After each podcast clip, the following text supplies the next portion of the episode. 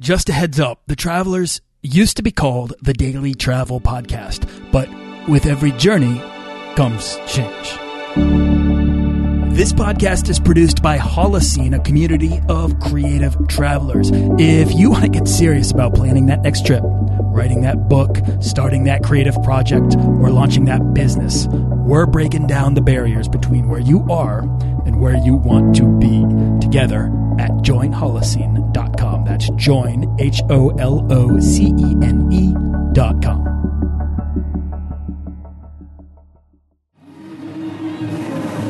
Now I should get the concert. My fear? Yeah, what is your fear? What is your greatest fear? I can't scream. You know that high pitched horror scream that everyone hears and then they go, my god, someone's dying and they run and they help you? I can't, I can't scream like that. So you think no one will ever come to help you? No one will help me. I have like a yell. I don't have a, a, a blood curdling, I'm dying, come save me. Scream, I can't do it, I get too scared. What do you do instead? I don't know. You'll hear it, it's not a good scream. No one will save me. So we're about to find out. This is a series of stories with fascinating people about things unexpected. This is the Daily Travel Podcast. I love how we get to create brand new kind of horrors for people. Um, it's just, it's a part of my life.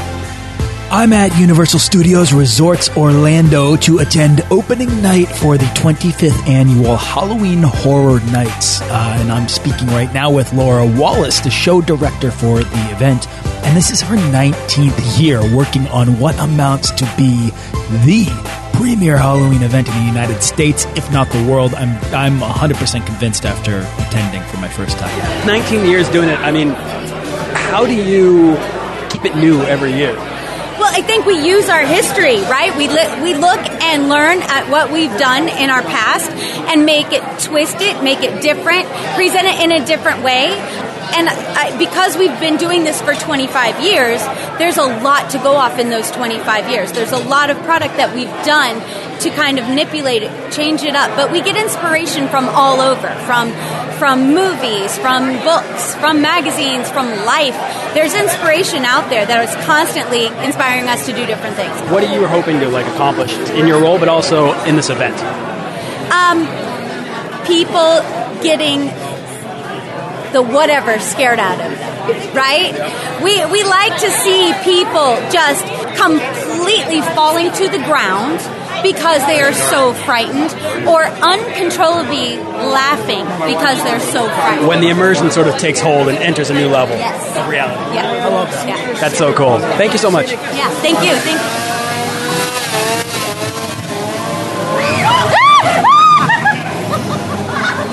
And that's the sound of my wife Shannon getting chased down the street by a clown with a chainsaw.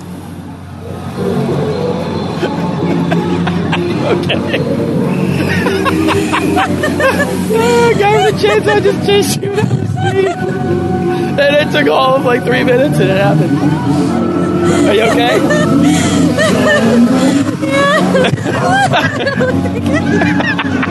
See, you can't look scared. You have to look. See, they're not coming after me. They're only coming after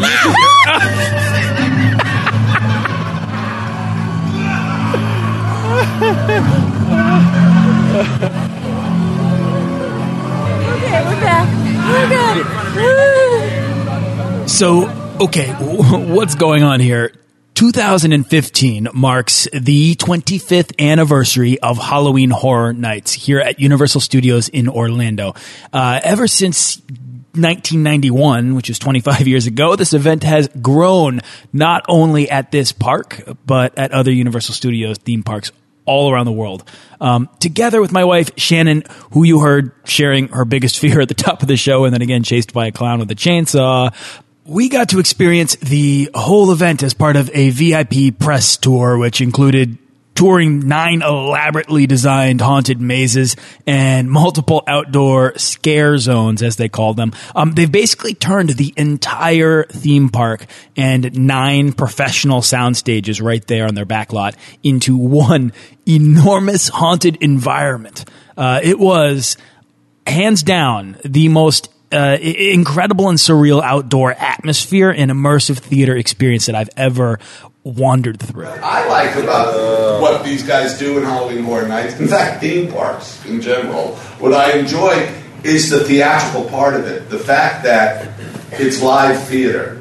It's So that was John Landis, the director of An American Werewolf in London, uh, Blues Brothers, Coming to America with Eddie Murphy, and a whole lot more, uh, who I got to sit down with along with the cast and crew members from one of my favorite TV shows, uh, The Walking Dead. More on The Walking Dead later in the episode. It's it's a lot of fun. Uh, I really like what John Landis had to say there, and and really agree with his point here. It's literally like it's they now call it immersive theater, but but it's legit. It's live theater. They're creating ambiance. They're building sets, and to experience live theater. I mean, I, for me, that's the most impressive thing. I mean, how many people are put on for Halloween Horror Nights? About about twelve hundred a night per night per night. I mean, just for this, and you know, eight hundred of them are like no.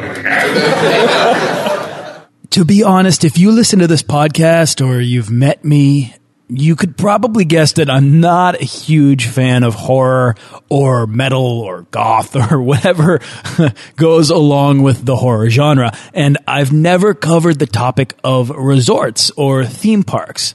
But this is significant. Here's the thing. I, I, I was fortunate to have grandparents in Florida who lived near the parks. And as a kid, I'd, I'd always choose to go to Universal Studios. Um, the feeling of being transported into my favorite movies like Back to the Future or E.T. or Indiana Jones, especially. Uh, it was like childlike wonder on amphetamines. I, I'm sure these experiences are what led me to studying theater and then enrolling in film school and eventually learning all about storytelling and working intimately with people.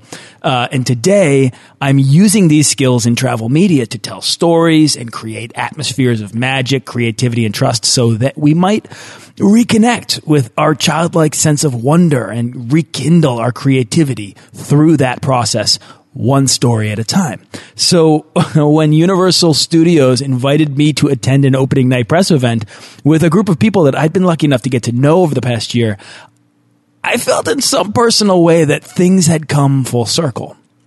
But what amazed me the most about this event is exactly what John Landis outlined above. I've always found Universal Studios to be an immersive environment for anyone who loves the movies or just wants to feel transported into a different world. You know, in fact, my friend Brian and I were just deep in conversation about exactly that. you and me talking about acting, and I, I'm coming from it in the acting sense that that's what I like to do. You're the creative end of it, but then we're riding through Harry Potter, and then you got all the actual actors, you know, all the background and everything, you know, like just everything that goes into it. I don't think a lot of people really delve into that. There's a sense of uh, in production, in film production or in theater. There's a sense of like world creation. You Yeah. know, there's this idea of like you're creating a portal for the mind into an experience. Right. And there's an element of magic that sort of transpires when someone's sent through that. If you can get them to the point of forgetting that they're in something fake and they're in the world that they Well, want to be. Yeah, and that's where I was looking at with with the ride. You know, I mean, yeah, you have the actors and stuff in there, but the ride where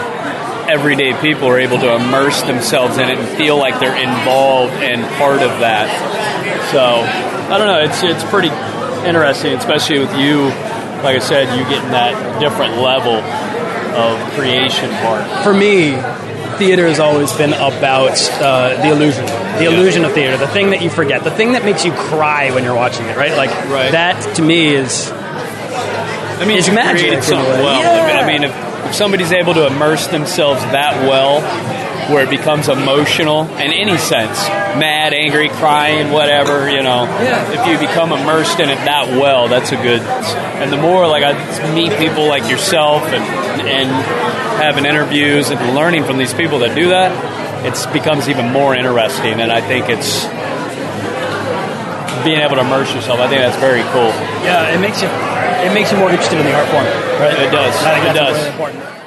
So along with the Q&A with John Landis, we also got a full rundown of the event and each of the haunted mazes that they were about to send us through one by one. We're going to give you an opportunity, yeah, to learn a few more details about the event. So right now, I want to bring out Mike Aiello, the creative director of Halloween Horror Nights for Universal Orlando. 25 years Halloween Horror Nights. Uh, I, uh, I've been a part of this event in some capacity since the very first year. Uh, my dad and I came to this event uh, the first few years uh, from 91 all the way to 96 when I started working here. Uh, this event has been really kind of a part of my core uh, for as long as I can remember. And this couldn't be a better year for you to experience the event because you're really going to get a nice cross section of our past. From our, I think the first maze you should go in line and stand in is our 25th anniversary maze. Uh, that single maze is going to give you a great table of contents of a lot of the environments and characters that our team, our amazing team people have created over the past 25 years. But we're going to run through the, uh, the maze content first, okay? All of our haunted houses this year. Nine total mazes this year, more than we've ever done in the history of the event. Uh, so, first up, we're going to talk about The Walking Dead. It is back. Let's hear it.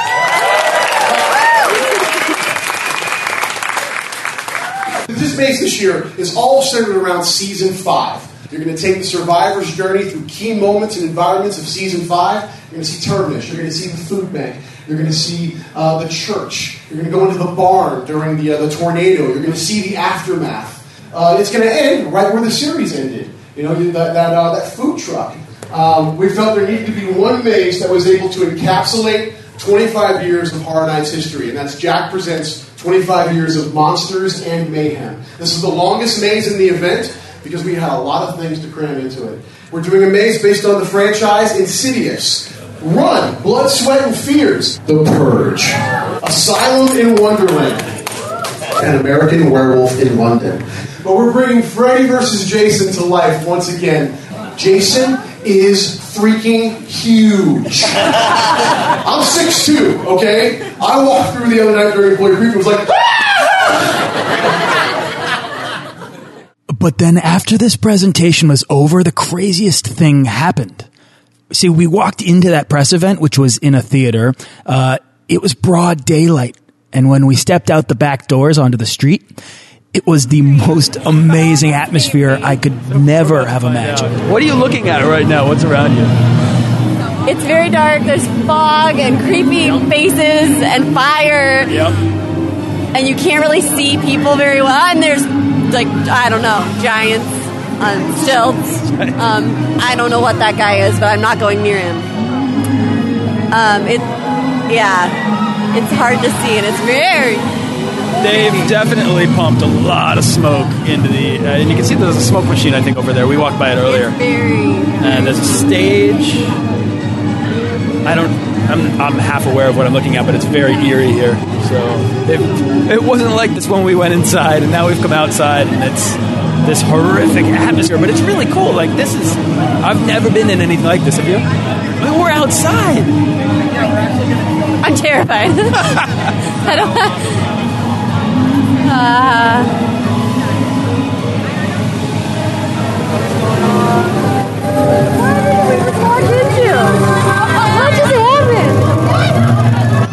And a little down the road, we'd wander into the New York City back lot to find an insane asylum let loose upon the city. Halloween Horror Nights calls these scare zones, and when you walk into one, there's a transition in the atmosphere, in the sounds, and the lights. It's the, the feeling changes. It's, it's really impressive experiential design.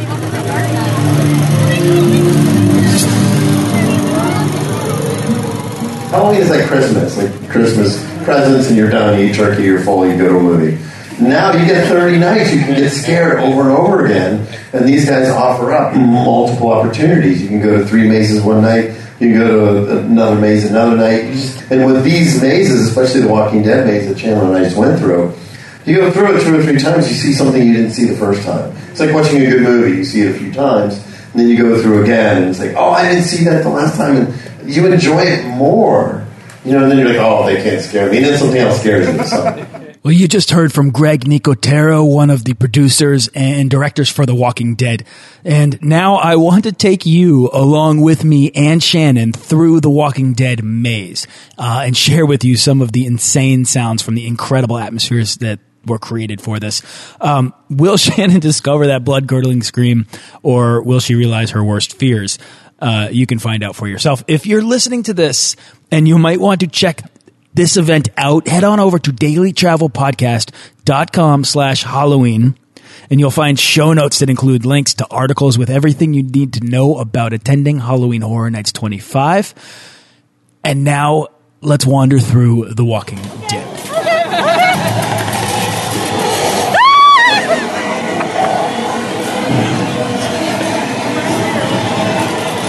You okay? You're not even inside the house yet.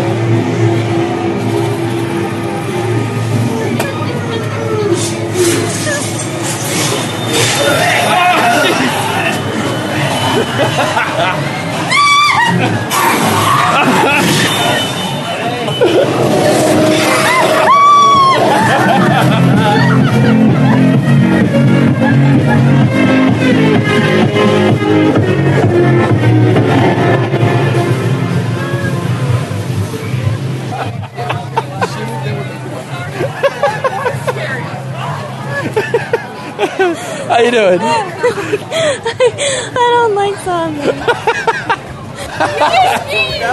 Everything. Crier or laugher? No, we're good. We're good. Both, we'll both. Oh my god! I said I grabbed you. That's Right.